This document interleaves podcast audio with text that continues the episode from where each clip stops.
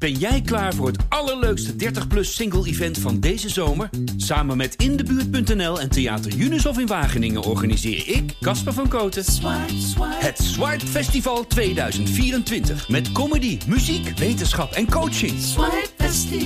Maar vooral heel veel leuke mensen. Bestel nu je kaart op swipefestival.nl. Swipe, swipe. Welkom bij Culturele Bagage, de wekelijkse cultuur- en tijdsgeestpodcast van de Volkskrant. Mijn naam is Esma Linneman en ik weet niet wat jullie hebben gedaan, maar ik heb de afgelopen dagen de documentaire Beckham zitten verslinden. Misschien ook wel als afleiding van alle ellende in deze wereld op dit moment. De vierdelige Netflix-documentaire Beckham volgt de krankzinnige carrière van de Britse stervoetballer David Beckham. Van zijn dagen bij Manchester United en Real Madrid tot zijn avonturen in de Verenigde Staten. De documentaire zit bomvol beroemdheden en smakelijke personages die vertellen over hun ervaringen met Beckham. En dan is daar natuurlijk ook Victoria Beckham, de voormalige Spice Girl en Swinks, een echtgenote die een stuk innemender blijkt te zijn dan je zou denken. Beckham kreeg overal lovende recensies en ik zit hier vandaag aan tafel met chef series Mark Moorman Hallo. en chef van het Volkskrant Magazine Emme Kieme. Hallo. Om eens te analyseren waarom deze documentaire nou zo ongelooflijk ja, onweerstaanbaar is. Zelfs voor mensen die eigenlijk helemaal niks met voetbal hebben. Mensen zoals Victoria Beckham zelf. I am not into football at all. I wasn't into football then. I'm not into football now. Welkom beiden. Om te beginnen met jou, Mark. Jij hebt Beckham, de documentaire, dinsdagavond volgens mij in zijn geheel gezien. Ja, ik, zoals dat gaat, ik begon eraan en toen was het opeens 4,5 uur later. En dat kon heel goed met, eh, met deze vierdelige serie, merkte ik. Het is een heel meeslepend verteld portret van de voetballer en het echtpaar en het tijdperk en de voetballerij. Had je hier eerder dingen over voorbij zien komen? Wat, wat waren jouw verwachtingen van deze Nou, de, daags voor de première ging natuurlijk dat, dat eh, fragment viral waarbij eh, Beckham eh, zijn vrouw corrigeert als ze vertelt over haar nederige afkomst. Komen we zo op terug? Ja. En, maar verder eh, had ging ik er eh, nogal zonder verwachtingen in. Behalve dat eh, opeens eh, hier op het werk een aantal mensen zeiden... Dit moet je zien! en dat, dat doe ik dan. En die mensen zitten hier aan Ja. tafel. Ja. Ehm, wat voor documentaire is dit nou? Voor, hoe zou je hem omschrijven? Nou, het is een, ehm, een documentaire die, waarvan je moet bedenken dat, eh, dat Beckham nog heel erg midden in zijn carrière is. Weliswaar niet in, in als voetballer, maar nu als eh, eh, voorzitter en mede-eigenaar van een Amerikaanse voetbalclub. Hè. Dat is zeg maar het laatste hoofdstuk waar we Ja. nu zijn beland. Dus het is weliswaar aan de ene kant een openhartig kijkje achter de schermen van dit leven. Met heel veel goede eh, fragmenten en archiefopnamen en, en interviews. En verder is het ook een documentaire die het merk Beckham overeind probeert te houden. Ja, Dat, dat, dat is iets wat je eh, voor jezelf ook wel moet toegeven. En, en daar eigenlijk enorm goed in slaagt. Want het leven en de beelden zijn geweldig. En de, de hoofdpersoon blijkt een eigenlijk hele innemende figuur te zijn. Want kijk, als je met een soort aversie naar eh, Be- Beckham zou zitten kijken, dan, dan hou je dit niet vol. Of dan nee. zit je die vier uur niet uit. Maar ja, het, het is zo'n bijna, er zit een soort kinderlijke naïviteit in. En, en hij wil toch ook, eh, hij kijkt toch ook wel een aantal eh, dingen in het verleden, wil hij op terugkijken. Dus dat maakt het heel boeiend. Ja, en er komen heel veel ja, beroemde mensen eh, langs. Zowel voetballers, maar ook bijvoorbeeld een Anna Wintour, hè, de baas van Vogue. Of, of Mel C, een van de Spice Nou Girls. Die dan even ook kort wat zeggen. Dat Het is- vind ik ook dat het zo levendig maakt. Er maakt het zoveel he- mensen heel voor de- levendig. ja. En, en, en wij zitten natuurlijk ook eh, in, in het vak dat je af en toe mensen probeert te spreken te krijgen. Maar het is echt ongelooflijk wat voor een parade aan, aan sterren en beroemdheden je hier voorbij ziet komen. Ook uit de voetballerij. Die allemaal ja, soms gewoon, gewoon twee zinnen bijdragen aan het Ja. verhaal. En toch werkt het allemaal heel erg goed. Omdat bepaalde zaken dan toch nog even weer van een andere kant belicht worden. En dan blijkt dat veel van die persoonlijkheden, de oude sterren van Madrid bijvoorbeeld, allemaal hele innemende figuren zijn. Waar die met heel veel soort ook met humor en, en relativeringsvermogen terugkijken op hun, eh, op hun gloriejaren. Ja, ja. Hey, en nog even over de regisseur, Fisher Stevens. Ja. Hij eh, is een, echt een uh, Hollywood-figuur. Hij is al heel lang uh, acteur. Hij is 60, als ik het goed heb. Speelt al jaren als acteur in films. Hè. De nieuwste generaties kijkers zal hem kennen als de belangrijke bijfiguur Hugo uit Succession. Een van de, me de, mensen die in de, de board van het bedrijf zaten. Ik vond het een hele spectaculaire ontdekking. Ik hoorde dat pas achteraf. Toen oh, herkende ja, ja. ik die stem ineens. dacht ja. oh wauw. En hij is ook wel meer dan, dan makers van dit type documentaires in beeld. Het is duidelijk dat hij uh, elke aflevering begint met een soort intiem moment tussen die twee. Wat, wat ook de indruk wekt dat alles wat daarna komt ook vanuit diezelfde vertrouwelijkheid en intimiteit is gemaakt. Ja. Dat is een hele slimme manier om, om die documentaire neer te zetten. Ja. Um, hij maakt dus documentaires. Hij heeft ook een uh, productiebedrijf. Hij is ook een Oscar-winnaar, omdat hij uh, producer is van een documentaire uit 2010, De Koof, over Japanse dolfijnenjacht. maar dat is dan iemand met een, ook kijken. Iemand, met een, iemand met een Oscar in zijn cv, die, daar gaan iets meer deuren voor open, stel ik me zo ja, voor. Ja, toch, ze zijn ook, denk ik, gewoon, omdat hij het gevraagd heeft, dan komen ze allemaal. Hij is, gewoon, hij, is, hij is gewoon zelf ook een grote bekendheid. Hey, en mee, ik ken jou natuurlijk als mijn baas en chef van het Volkskrant Magazine. Maar jij bent ook, ik ken jou ook als een enorme voetballiefhebber. Hoe is dat eigenlijk zo gegroeid bij jou? Ja, um, even denken. Nou, ik heb drie broers. Dat is eigenlijk altijd mijn verklaring. Want uh, ik had zo weinig keus. Ja, het stond gewoon zondagavond studio sport. het stond gewoon aan. Uh, ik sportte zelf veel. Ik vond het gewoon eigenlijk... Ik bedoel, zij keken het, maar ik keek graag mee. En ik denk ook dat het meehielp. Mijn broers waren Ajax-fan, werd ik natuurlijk ook. En dit gebeurde, speelde zich allemaal af in de jaren negentig. Dus eigenlijk ook uh, de tijd waarin deze documentaire speelt. Ja. En Ajax deed het gewoon supergoed. Ik geloof echt het eerste of het tweede seizoen dat ik Ajax volgde, wonnen zij de Champions League. Dus ik dacht, nou, als dit, zeg maar, weet je wel, en dat is goed. Dat is daarna dus helaas uh, nooit meer gebeurd. maar daar ben ik ingestapt ja, en, ik en besmet het. geraakt. Ja. ja, ja. En nou waren we het daarover eens. Dat zei ik net ook al van. Deze documentaire is ook gewoon smullen voor mensen die niet zo van voetbal houden. Waar, waar zit hem dat nou, denk je, in? Ja, het is grappig. Een vriendin van mij die zei letterlijk van... Hmm, nou, in dit geval moet ik misschien toch dat hele voetbal gebeuren. Misschien moet ik er toch maar eens fan van worden. Na het kijken van deze Na documentaire. deze kijken ja. van deze documentaire. Ja, uh, ja ik denk dat uh, de combinatie gewoon heel goed is. Kijk, sport is ook als je het niet volgt, zit daar natuurlijk altijd een bepaalde druk en spanning op die gewoon denk ik heel goed werkt. Het is gewoon echt leuk om te kijken of iemand wint of verliest en wel of niet een bal in het net schopt. Dat begrijp je ook als je dat niet wekelijks volgt. En hier is volgens mij natuurlijk de gouden combinatie dat deze talentvolle, hele knappe jongen, jongen die dus heel goed in sport is, tegelijkertijd um, een soort hele carrière daarnaast krijgt. En uh, tegen een hele knappe andere hele beroemde vrouw aanloopt, daarmee trouwt. Dus het is, zij zijn hele persoonlijkheid is zo interessant. En die twee sporen maken volgens mij dat je op veel manieren naar deze documentaire kan kijken en er heel veel uit kan halen. Ja, ja. En tegelijkertijd vind ik het ook een knappe soort balanceeract. Want ik heb hem dus gekeken met mijn vriend en voetbalaficionado die al die sterren ook kent en al die wedstrijden gewoon ook heeft gezien waar Ja. het dan over gaat. Ja. En hij vindt het dan net zo leuk als ik, die niet zo eh, ingevoerd is. Wat, wat maakt het nou voor voetballiefhebbers zo'n leuke documentaire? Ja, voor mezelf sprekend, ik vond het echt heerlijk om weer zo'n beetje terug in die tijd te stappen. En inderdaad te denken van, oh ja, die wedstrijd of oh ja, die goal. Eh, en vervolgens heeft deze documentaire dan dus wat we net al zeiden, dat al die grote namen, maar echt of het nou Figo is of Zinedine Zidane of Alex Ferguson, maar die duiken gewoon allemaal op. Ronaldo. Ronaldo, Ja, vond ik zelf ja. heel leuk. Het, het gaat maar door. Ja, Eh, ja. Simeone komen denk ik zo meteen ook nog op terug. Ja. De Argentijnse voetballer met wie David Beckham natuurlijk nog een interessante ding had. Nou ja, en, en ze komen allemaal. En trouwens, al zijn Engelse teamgenoten eh, die verdienen ook echt een vermelding. Mhm. Gary Neville, zijn beste vriend, die gewoon zo heel leuk is. Dus je ziet al die, ja, die beelden terug. En je ziet ze als gewone mensen. eh, Precies, die die ja. niet meer zo in de spanning zitten van het moment. Die niet meer moeilijke persconferenties hoeven te houden. Maar die kunnen terugblikken. En Ja. dat maakt het misschien ook dat Precies. het zo leuk is en om naar te kijken. tegelijkertijd, wat ik ook zo leuk vind, want er zit nog iets in de documentaire wat ik goed vind werken, is dat ze steeds terug. Je ziet de voetballers terugkijken naar hun eigen wedstrijden. En dan wordt, wordt heel erg ingezoomd op hun gezicht. Ja. En ze hebben wel afstand, maar ze worden allemaal weer helemaal ingezogen in het moment. En dat is Ja. gewoon geweldig, Ja, toch Mark? ja. Ik, bedoel, ja, ik vind dat echt eh, gewoon heel leuk om naar te kijken. Ja, en jij had het net al over dat David Beckham eigenlijk meer was dan een voetballer. Dat wilde hij ook zijn, toch Mark? Ja, en dat, Ja. Ging, dat ging hem eh, vrij makkelijk af, omdat hij eh, altijd eh, verreweg de knapste man van het stadion was. Niet alleen het veld, maar gewoon het hele stadion.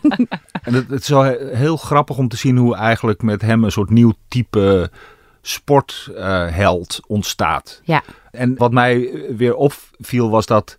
En opeens dacht ik, oh ja, dat was natuurlijk zo. Dat elke keer als hij zijn kapsel veranderde, bijvoorbeeld. Nou, daar werd daar gewoon weken over gedebatteerd. En, maar dat gebeurde ook heel veel. Dat zijn kapsel veranderde. Ja, nou ja, dan had hij opeens aan het begin van het seizoen had hij eh, een- een, een soort, een soort aardbeving veroorzaakte dat. eh, had hij zijn eh, haar eraf geschoren. Ja, maar hij Had deed ook de stekeltjes. onthulling, hè? Dan kwam hij met een muts op. Oh ja, met de muts. Wandelde hij dan nog door de Ja. warming-up. En dan, jongens, hoe zal Beckham zijn haar eruit zien? Ja.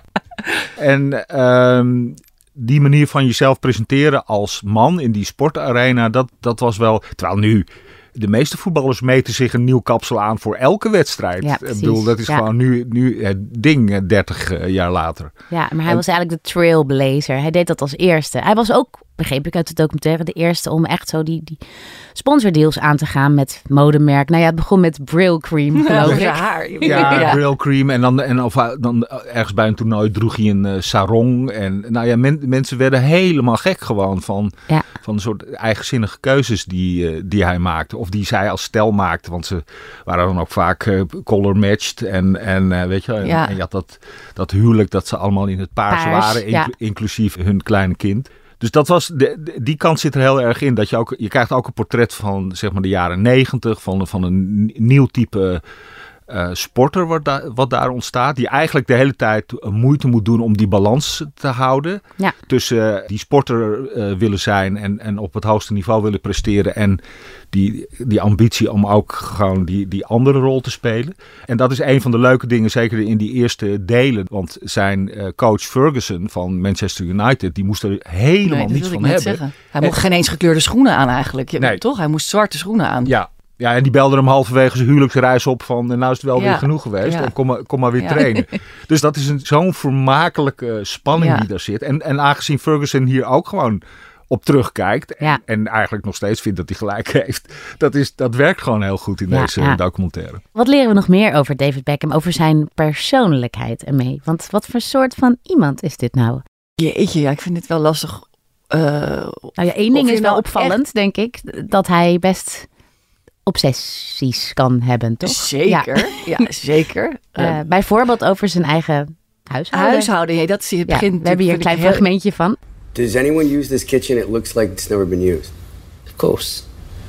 I was cooking here last night. Dude, it's like I know. It's pretty clean. Because I clean it so well. And I'm not sure it's actually appreciated so much by my wife, in all honesty. The fact that when everyone's in bed, I then go around, clean the candles, turn the lights on to the right setting, make sure everywhere's tidy because I hate coming down in the morning and there's cups and plates and, you know, bowls. It's tiring. It's tiring going around every single candle, cleaning it, clipping the wick, and you know, it gets tiring. you clip the candle wicks. Hij heeft een soort kledingkast. Je hebt nog nooit iets gezien waar alles op de centimeter en op kleur gesorteerd ligt. Ja, hij hangt dus zijn kleren klaar voor de hele Oh, week. dat ook? Ik Ja. moest wel denken Ja. van... Dat doen jullie niet? Nou, Deed ik het maar. Deed ik het best wel slim Ja. misschien. Maar Ja. hij is echt... Nou, het is elk detail moet kloppen in zijn leven, hè? Totale Ja. perfectionist, ja. Ja, ja. En ehm, er zitten niet heel veel interacties tussen, tussen David en Victoria. Zoals de documentaire, zo is die ook gemaakt. Dat iedereen in, eigenlijk in aparte kamers wordt geïnterviewd. Ehm, maar deze interactie tussen deze twee ging viral. Oh ja. I just fancied him, and it was as simple as that. Yeah, I mean, I think also we both come from families that work really hard. Both of our parents work really hard. We're very working, working class. Be honest. I, I am being Be honest. I am being what car honest. did your dad drive you to school in?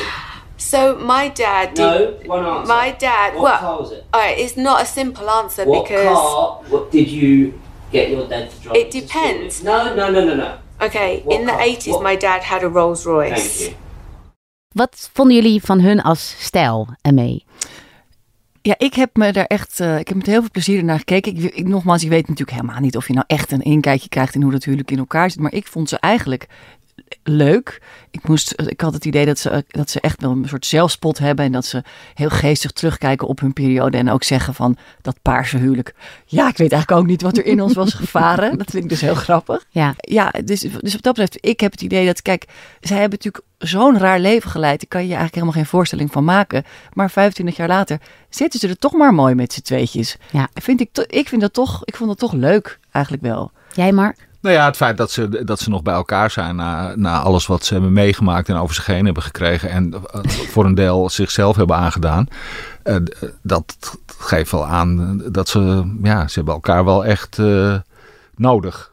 Ja, en ze zijn natuurlijk ook op een soort gekke manier zo samen aangaan. En ze lijken denk ik ook wel op elkaar. Als je allebei natuurlijk zo graag succesvol wil zijn en in de spotlight wil staan en je kan elkaar daarin versterken. Dat is volgens mij wel een soort eh, bijzondere band die je dan hebt.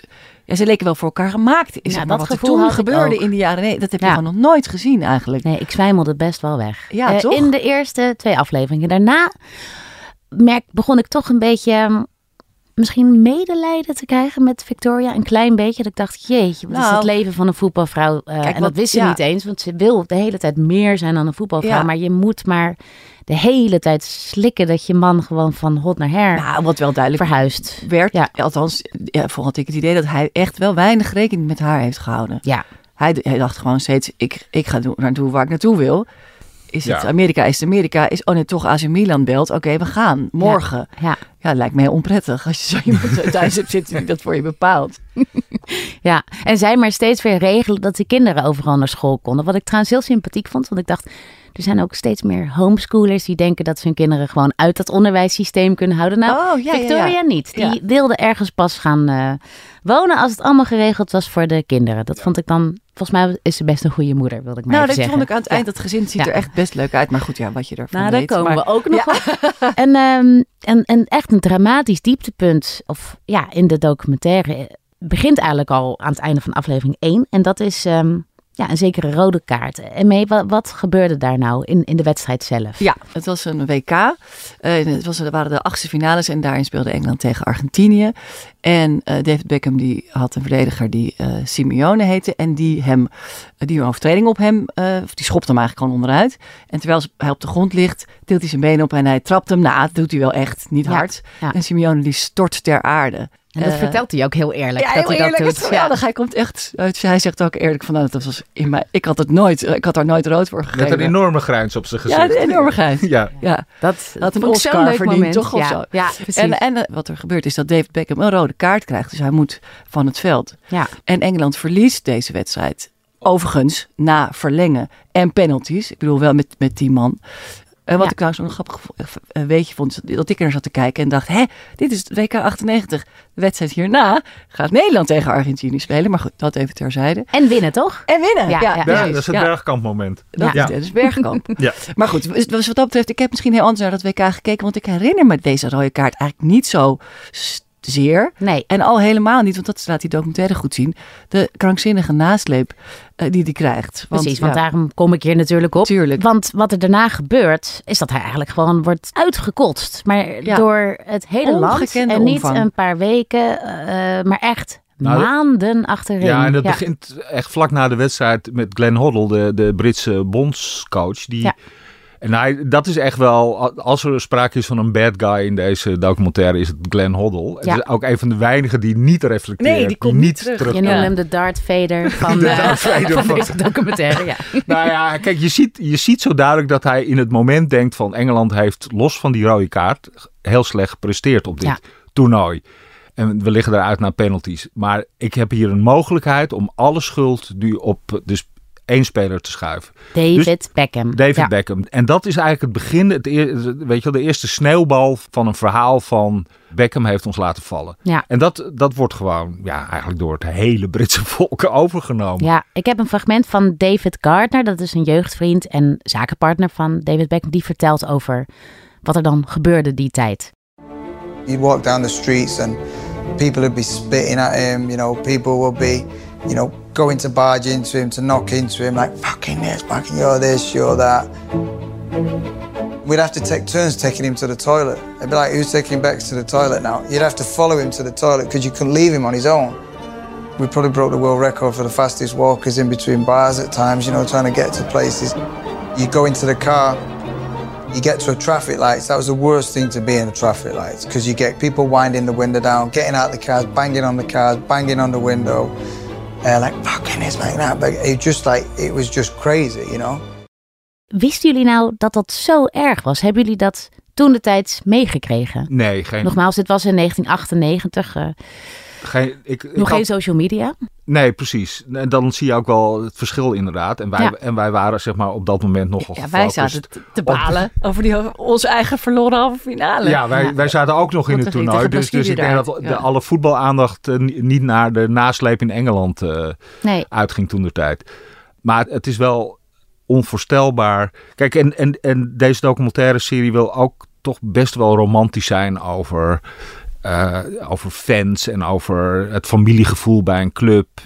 Maar ze laten hierin ook wel zien hoe dat heel snel kan Ja. omslaan. Dit waren weliswaar niet de Manchester fans die hem uiteindelijk toch weer vrij snel in hun armen sloten.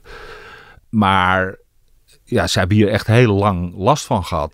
Dus hij werd uitgefloten en, en, en bespuwd. En, eh, maar ook gewoon het voetbal-establishment. Gewoon de, de, Ja. de, de- weet je wel, De BBC-analisten zijn de, analisten, die, die, die, iedereen ging in dat eh, zonder enig Ja, relativeringsvermogen. En- achteraf gezien gewoon echt gevaarlijk. Er Nou ja, ontstond een soort, bijna een soort lynchcultuur om hem heen. En nou ja, Nou, er werd dus letterlijk. net een pop opgehangen die hem moest voorstellen. Ja, en het heeft ook nog geleid tot allerlei bedreigingen. En ik geloof ook een kidnap scenario. De kogelbrieven, kwamen brieven bij in Manchester. wilde was die vrouw ook niet over praten. Die Echt brieven opende. schandelijk. Ja, die lieve receptioniste, wat een echt- geweldige personage ook is. Ja, die is ook leuk. Maar ik wil nog zeggen, het ging, het ging ook echt om... Hij was heel jong, hè? Gewoon echt volgens mij 23. 23. Ja. Op zo'n groot toernooi een fout maken. En dat niemand van de andere kant bekeek van... Ja, eh, het kan niet zo zijn dat hij echt verantwoordelijk is geweest voor die uitscheiding. Dat niemand Nee. dat geluid liet horen. En je, en je weet nooit helemaal hoe, hoe, het, hoe de parallelgeschiedenis zou lopen. Maar als de coach op dat moment had gezegd...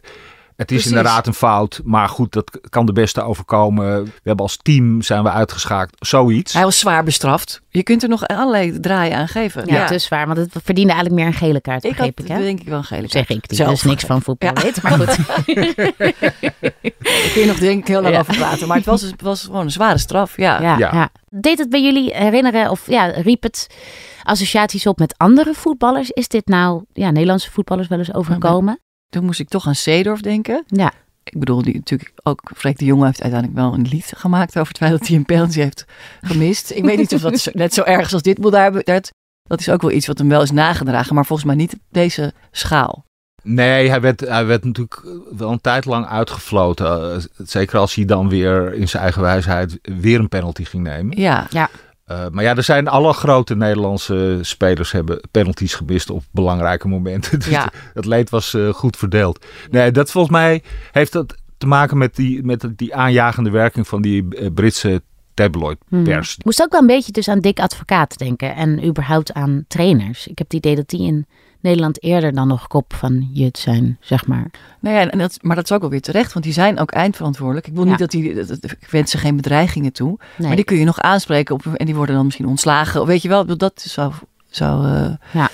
Ja, de maar weg die, moeten die, zijn volgens mij. die cultuur en die verwevenheid van die Britse tabloidpers en, en voetballerij in Engeland, dat is van een totaal andere schaal. En dat, gaat, Ja. dat is niet zo dat het op maandag na het weekend eh, even eh, daarover gaat. Nee, dat gaat gewoon dagen, dagen, dagen door. Ja, ja. Vele, Maanden. vele pagina's. Ja, en, ja. en eh, Totdat iemand dus helemaal depressief is. Nou ja, zoals en David Beckham. En eigenlijk ook geen steun, toch? Precies, Ja. geen steun krijgt. Ja.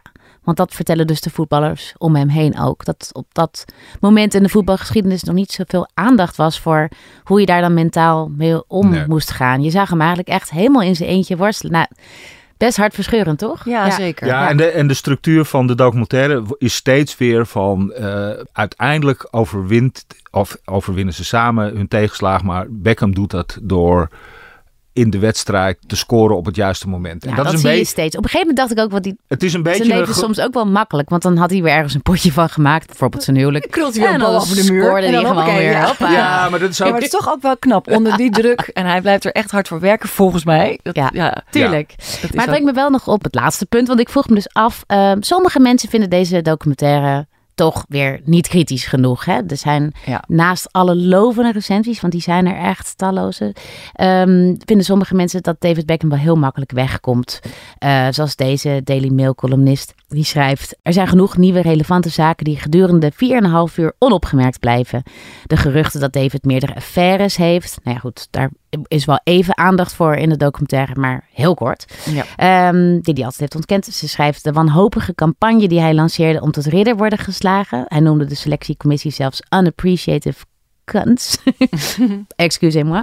Toen hij aanvankelijk over het hoofd werd gezien. Eh, nou, ook de hechte vriendschap met Tom Cruise. eh te midden van geruchten dat de filmster wilde dat Beckham zich bij Scientology zou aansluiten. Nou, de lijst gaat maar door. En wat de documentaire vooral wordt verweten, is dat er, geen, dat er niet wordt gesproken over zijn ambassadeurschap voor het eh, WK in Qatar. eh, waar hij heel, heel veel geld voor had. Waar hij eh, heel, heel veel geld voor heeft gekregen. Ja. Ja, een land dat homo's gevangen zet en vrouwen vervolgt. En daar heeft hij zich ook niet voor verontschuldigd. Dus wat, wat vinden jullie van deze kritiek? Het zijn ook wel verschillende dingen. Want kijk, de, de affaire komt aan de orde, maar op een nogal onvloerste manier. Zodat eh, iemand zoals ik, die dacht, waar gaat dit over? Echt moest gaan opzoeken van, wat was dit ook alweer van kwestie? En dan bleek er opeens een soort Nederlands-Spaanse dame bij betrokken te zijn. Die nu weer door al die Engelse kranten opgebeld wordt van, wat vind jij er eigenlijk van? Dat er op deze manier over die affaire toen de tijd werd Ja. gesproken. Ja, zij heeft daar toen zelf over gesproken tegen volgens mij News of the World. Echt een Ja. verschrikkelijke rioolkrant overigens. Ja. Eh, Nou ja, en en ik, het- ik las dat zij nu spijt had dat ze dat zo wereldkundig heeft gemaakt. Van, maar van, eh, van een andere orde vind ik wel inderdaad dat, daar begonnen we mee, dat het echt ook allemaal wel in dienst van eh, Beckham als merk staat. Dus mm, ja, het is niet het type documentaire dat je maakt zonder medewerking van de hoofdpersonen. nee. En ook de, de meeste mensen die in beeld komen, die hebben natuurlijk gewoon een telefoontje van de Beckhams gehad eh, van eh, doe me mee, want dit wordt onze mooie documentaire over... Precies, ja. Ik kan me eigenlijk niet voorstellen dat je ook zo dicht bij ze kunt komen. Als je niet een, toch een beetje een afspraken maakt. Of, of in ieder geval, het zal wel een soort Ja, eh, uitwisseling zijn geweest van... doet me ook wel denken aan een soort journalistieke keuzes die Ja. wij soms ook moeten maken. Ja. Bijvoorbeeld bij het magazine. Als je een groot portretterend interview met iemand wil maken, moet je dichtbij iemand komen en iemands vertrouwen winnen. Ja. En is het natuurlijk niet handig als je meteen ehm, allemaal hele ingewikkelde zaken. Dus die, daar moet je in ieder geval een vorm voor vinden Ja. om het wel bespreekbaar te maken.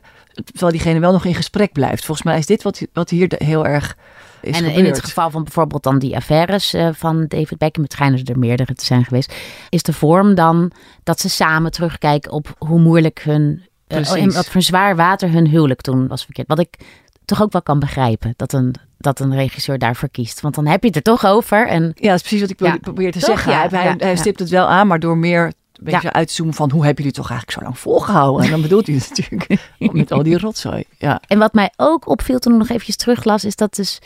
Zij zijn ook heel kritisch op de pers eigenlijk steeds. En daar hebben ze natuurlijk ook helemaal eh, het recht toe. Alleen wat dan bijvoorbeeld ook niet echt werd besproken... was dat in diezelfde periode maar liefst vijf reality-programma's zijn gemaakt. eh, door hun zelf geanceneerd. Nee, natuurlijk. Dus zij wilden die aandacht wel, maar ook wel op hun voorwaarden. ja, Victoria's wringt Secret, natuurlijk. Being Victoria Beckham, The Real Beckhams, Victoria, A Mile on Her Shoes en Victoria Coming to America. En daar wordt dan weer met geen woord van die arme Victoria. Die probeert ook maar in beeld te blijven. Maar tot slot, het is een ontzettende fijne documentaire om te kijken. Met hier en daar, wat je al zegt, Mark, voel je wel van nu gaan we misschien een klein beetje mee in een soort PR-verhaal. Maar Mhm. toch voldoende eh, interessante, authentieke eh, eh, momenten. Ehm, is dit nou een soort nieuw genre, Mark? De, de sportdocumentaire die voor iedereen leuk is? Ehm, nou, ik weet niet of het een nieuw genre is. Ik denk wel eh, dat je heel goed ziet welk recept hier werkt. En dat is dat het ook een portret van een periode is en een tijdvak. Ja.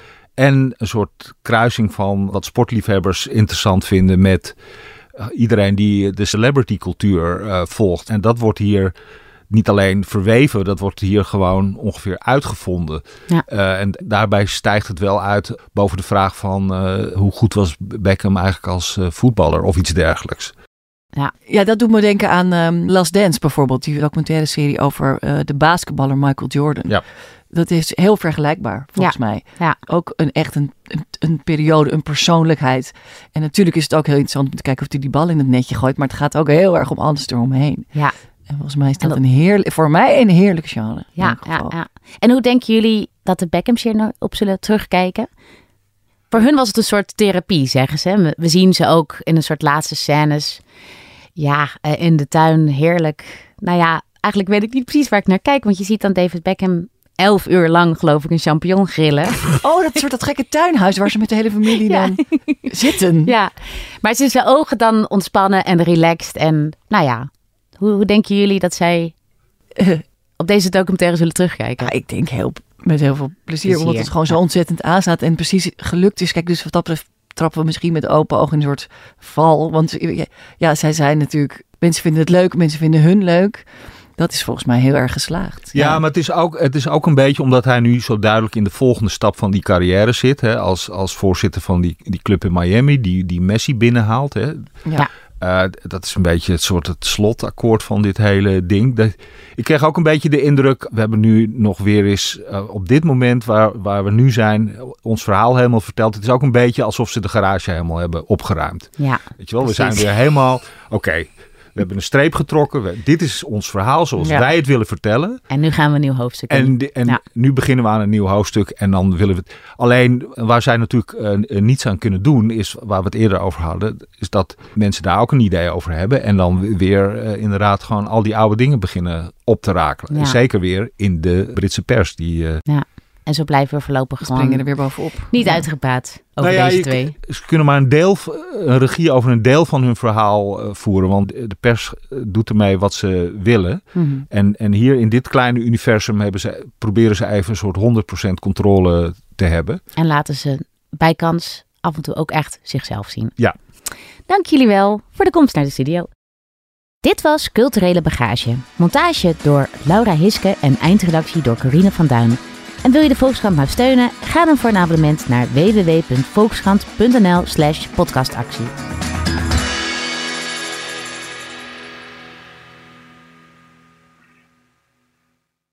Ben jij klaar voor het allerleukste 30-plus single-event van deze zomer? Samen met Indebuurt.nl en Theater Junushof in Wageningen organiseer ik, Casper van Koten, het Swipe Festival 2024. Met comedy, muziek, wetenschap en coaching. Maar vooral heel veel leuke mensen. Bestel nu je kaart op swipefestival.nl. Swipe, swipe.